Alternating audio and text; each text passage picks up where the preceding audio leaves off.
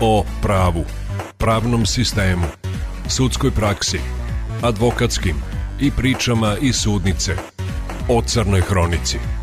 Emisija Proces. Dobar dan poštovani slušaoci, dobrodošli u Proces, ja sam Milica Ćirić. Nalazim se kod moje današnje sagovornice Hristine Čadinovske Savkić, socijalne radnice Centra za socijalni rad Sigurne kuće Novi Sad. Dobar dan i dobrodošli u proces. Dobar dan, Milica. Svakodnevno radite sa ženama koje su imali iskustva sa nasiljem. Koliko je važna psihološka podrška u tom periodu i koliko je potrebno snage ženi da pokrene i uđe u sudski postupak? Prvenstveno imam potrebu da vam se zahvalim što ste izdvojili vremena i što ukazujete na važnost da se priča na ovu temu. Trenutno smo i u kampanji 16 dana aktivizma za borbu protiv nasilja nad ženama i ja sam socijalna radnica u Sigurnoj ženskoj kući, radim 13 godina e, i volela bi da kažem da psihološka podrška za sve korisnice koji se smeste u Sigurnoj kući počinje od početka boravka u Sigurnoj ženskoj kući. Najteži korak za svaka korisnica jeste da prijavi nasilje u porodici. To je nešto što kad se uradi taj korak i kad se žena konkretno smesti u Sigurnoj ženskoj kući, sa korisnicom radi stručni tim sačinjen od psihologa, pedagoga i socijalnog radnika.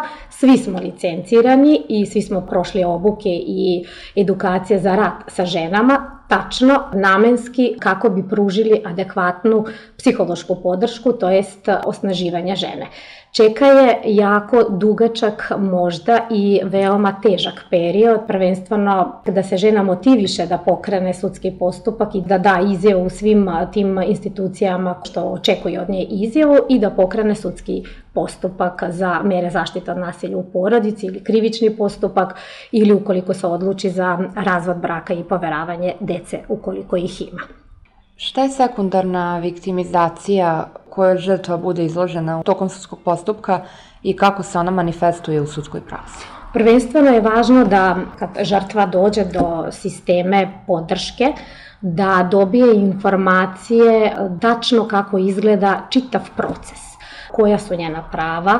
Ako pričamo za sekundarna traumatizacija, pričamo za ponovo povređivanje žene i prolazaka kroz nešto što je ona prvenstveno onu traumu koja je doživela, s obzirom na to da nasilje u porodici jeste traumatsko iskustvo.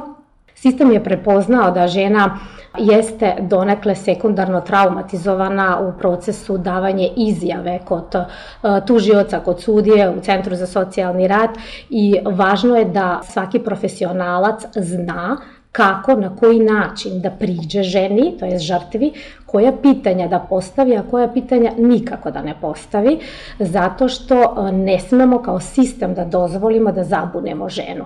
Da ukoliko smo rekli da je napravila prvi korak da prijavi nasilje, mi ne smemo da dozvolimo tokom razgovora ili tokom uzimanja izjeva od nje da tako narodski da kažemo da njoj nabacimo krivicu. Zato što ona lako će izgubiti poverenje u sistemu, a to ne smemo da dozvolimo. Postoje li načine da se ublaži ta sekunda?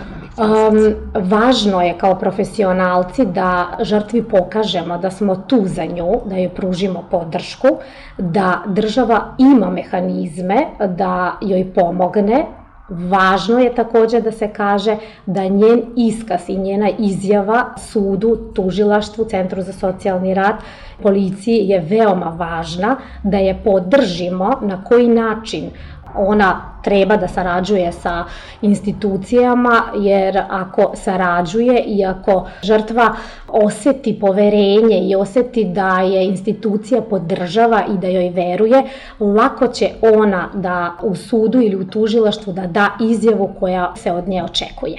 Koliko puta žena mora da ponavlja svoj iskaz i kako to deluje na nju? Tačno ne postoji broj koliko puta žena treba da da svoju izjavu, ali mogu da vam kažem da kako to ide. Žene se prvo obraćaju u policiji tu prijavljaju nasilje i tu daju svoju izjavu. Nakon izjave u policiji od nje se očekuje da da izjavu u Centru za socijalni rad, u osnovno javno tužilaštvo, u sudu, ukoliko se smesti u sigurnoj ženskoj kući i u sigurnoj ženskoj kući. U zavisnosti od samog predmeta, s obzirom na to da za svaki predmet se individualno radi i pristupa, koliko neka institucija ima potrebu da sasluša i da obavi razgovor sa, sa žrtvom, tako se to i organizuje. Kakvu vrstu pomoći i podrške žena dobija u sigurnoj ženskoj kući? Prvenstveno bih želela da kažem da Sigurna ženska kuća radi od 2009. Eh, godine kao usluga Centra za socijalni rad, kompletno finansiran i podržan od strane grada Novog Sada. To je namenjeno za žene žrtve nasilja, ukoliko je žena sama i ukoliko ima decu, znači i deca mogu sa majkom da se zbrine u Sigurnoj ženskoj kući i to je za žene koje su prijavili bilo koji oblik nasilja, znači psihološko, fizičko, seksualno, ekonomsko proganjanje i tako dalje. Nakon nakon prijave i nakon procene žena može sama ili s detetom da se smesti u sigurnoj ženskoj kući.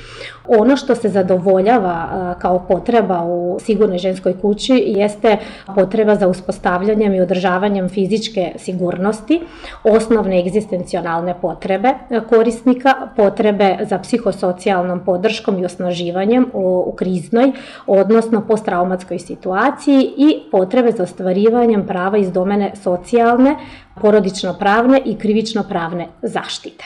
Ukoliko ima decu, radi se sa decom, obrađuje se to školsko gradivo, mi smo neka vrsta, da kažem, medijatori oko upisivanja dece u vrtiću, zahtevamo da konkretno vrtići koji su na teritorija Novog Sada da prime decu kako bi mogla njihova majka da radi i znamo koliko je važno da se ekonomski osamostali. Da li žena odustaje od sudskog postupka i zašto se to dešava? Ja bi sada se osvrnula više na žene koje borave ili koji su boravili u sigurnoj ženskoj kući. Znači žene koji su pokrenuli sudski postupke za ostvarivanje konkretno mere zaštite od nasilja u porodici. Što se tiče sigurne ženske kuće, mali je procenat žene koje su odustali. Ne mogu da znam za žene koje su pokrenuli postupak i izašli iz sigurne kuće, to jest nisu završili.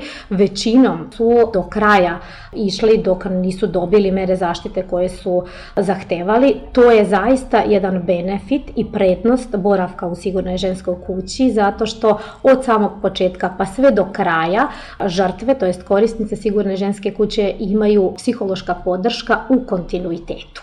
Na koji način se postaje posebno osetljiv svedok i zašto to važno?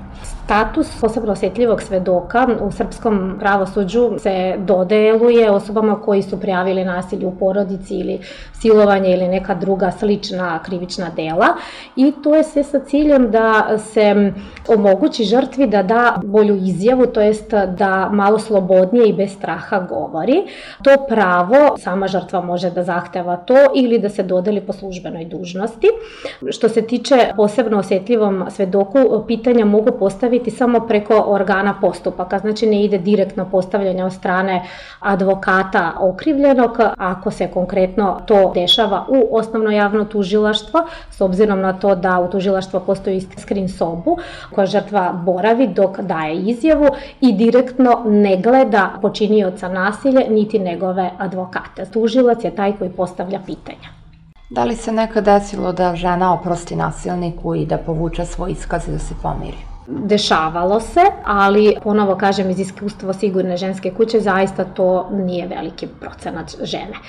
Htela sam da kažem da ono što se primeće i što nedostaje jeste ta psihološka podrška kako bi žena ostala pri tužbi od samog početka do kraja. Jeste, neke sudske postupke traju dugo, ali opet iz iskustva radeći u sigurnoj ženskoj kući nije toliko veliki procenat primera. U principu žene do kraja žele da ostvare mere zaštite ili sve sudske postupke koji ih, su ih pokrenuli, bez obzira da li se to radi na krivični postupak, parnični postupak za poveravanje maloletne dece, razvod braka i alimentacije ili za mere zaštite od nasilja u porodici. Ali moram da potenciram da psihološka podrška je nešto najvažnije tokom čitave ove sve sudske postupke koje ih je žena pokrenula. U kolikoj meri one nastavljaju s normalnim životom kad napuste sigurnu kuću i bez uznemiravanja bivšeg partnera? I... Ako me pitate konkretno na, na žene sa kojima smo mi u kontaktu nakon izlaska iz sigurne ženske kuće, mogu da kažem da m, većinom žena su se osamostalili, da žive m, u iznemljenim stanovima s obzirom na to da su ostali bez svoje imovine, dobro su se organizovali, teško im je, imaju puno izazova, ali se bore. U kojoj meri je važno obnavljanje kontakta sa porodicom, prijateljima iz prethodnog života i da, da li to može da pomogne ženi da bude snažnija nakon svega što je prošla? E, jako je važno da se ponovo izgradi ta socijalna mreža, jer pričamo za žene koje su doživeli nasilje u porodici, a najčešće većinom od njih su bili izolovani i oni su izgubili podršku i od svojih roditelja, prijatelja, kumova i to je zapravo teško da se obnovi, to jest ako ih ima i da se održi u takvim uslovima u kojima je ona živela. Da li sigurna kuća pruža i pravnu pomoć. Svaka žrtva nasilja ima pravo na besplatnu pravnu pomoć i to mi kao predstavne institucije upućujemo ženu, to jest informišemo da ima pravo na besplatnu pravnu pomoć. Mnogo vam hvala što ste govorili za emisiju Proces. Hvala i vama. Proces.